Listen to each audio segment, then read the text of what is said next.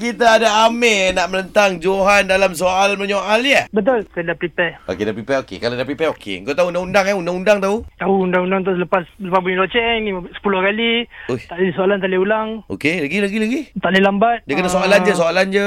Soalan je, soalan je. Ah, Okay. Kalau macam okey. tu kau dah tahu semua uh, bunyi loceng tu kau buat eh.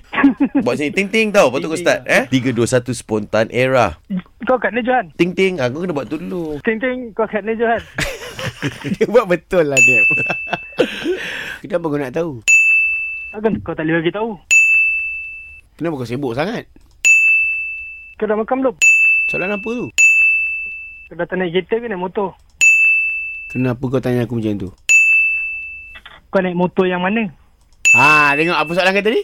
Kau naik Kau motor naik yang mana? Kau naik motor. Kau- Buat hemat tak? Ray yang potong kau tidak dah menang lah tadi. Aduh, kau tukar betul eh? dia. ni. Ray kau pakai perangkap Johan ni. Alah, kau jangan makan macam aku. Aku dah bawa dia ke situ dah. Eh. Okey, okay, apa dia? Apa dia? Apa dia? Kau, kau buat hemat lebih tak? Ah, ulang soalan. Kau masuk perangkap kedua. Aduh. Aduh, kelakar. Ini kelakar, ini kelakar. Kau hampir, kau hampir menang lah. Tapi tak, tak apa. Kali ni kau terima kekalahan lah, Ah. bro. Eh.